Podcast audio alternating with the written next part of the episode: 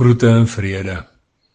En welkom weer eens hier by die kuierplek op die vlak vir nog 'n Kalahari storie. En vanmiddag lees ons uit die Afrikaanse 2020 vertaling.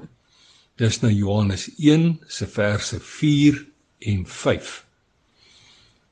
In hom was lewe en die lewe was die lig vir die mense en die lig skyn in duisternis en die duisternis kon dit nie uitdoof nie.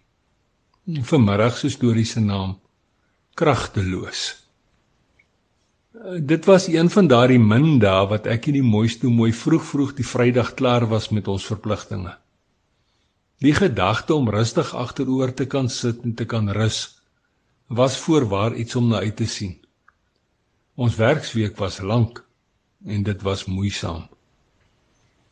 Vir oulaas stap ek om die sonpanele so te gaan draai dat die warmste hemellig hulle vol in die gesig kan kyk. En sien, ons hier in die vergeetkant van die land is mos maar self verantwoordelik vir die generering van ons elektrisiteit.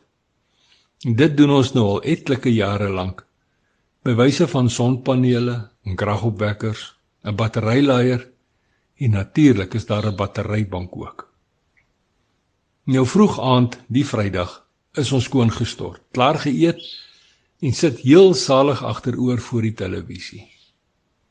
Skaars het die nuusprogram se kenwysie weggeraak toe die nuusleser begin vertel van Eskom se nuutste beerdkrag aankondiging. In sy woorde was skaars koud toe 'n onverwagte, onbeplande, allesomvouende, drukkende stuk donkerte my en die mooiste mooi omsingel. Niks roer of beweeg nie. Alles is stil, grafstil. Want ons is kragloos. Ons beleef die Kalahari se weergawe van beerdkrag. Met 'n stukkie hysterie en natuurlike goeie dosis frustrasie en teleurstelling laat loop die mooiste mooi in een asem. Wat nou help asseblief? Waar's jy? Wat maak jy? Ek is bang. Asseblief tog net praat met my. Oombliklik sit ek my oranje koffiebeker op die grond neer en sukkel sukkel al voelende kom bys toe. Uitkoms en antwoorde lê mos in die lig. Iewers in die skrif is dit opgeteken dat geen duisternis voor lig kan staande bly nie. Here, help tog asseblief, prewel ek saggies. En met eens sien ek Jesus se Johannes 9 woorde voor my verbyflit soos daglig. En terwyl ek nog in die wêreld is, is ek die lig vir die wêreld. Alhoewel die stuk donkerte sy heel bes te probeer om alles rondom my gevange te hou, kry 'n ou ou bekende waarheid nuwe betekenis in my hart. Die kerelkind van God, wat ook bekend staan as die lig vir die wêreld, los nie meer spore op stofaarde nie. Nee, Hy het opgevaar en sit aan die Skepper God se regterhand.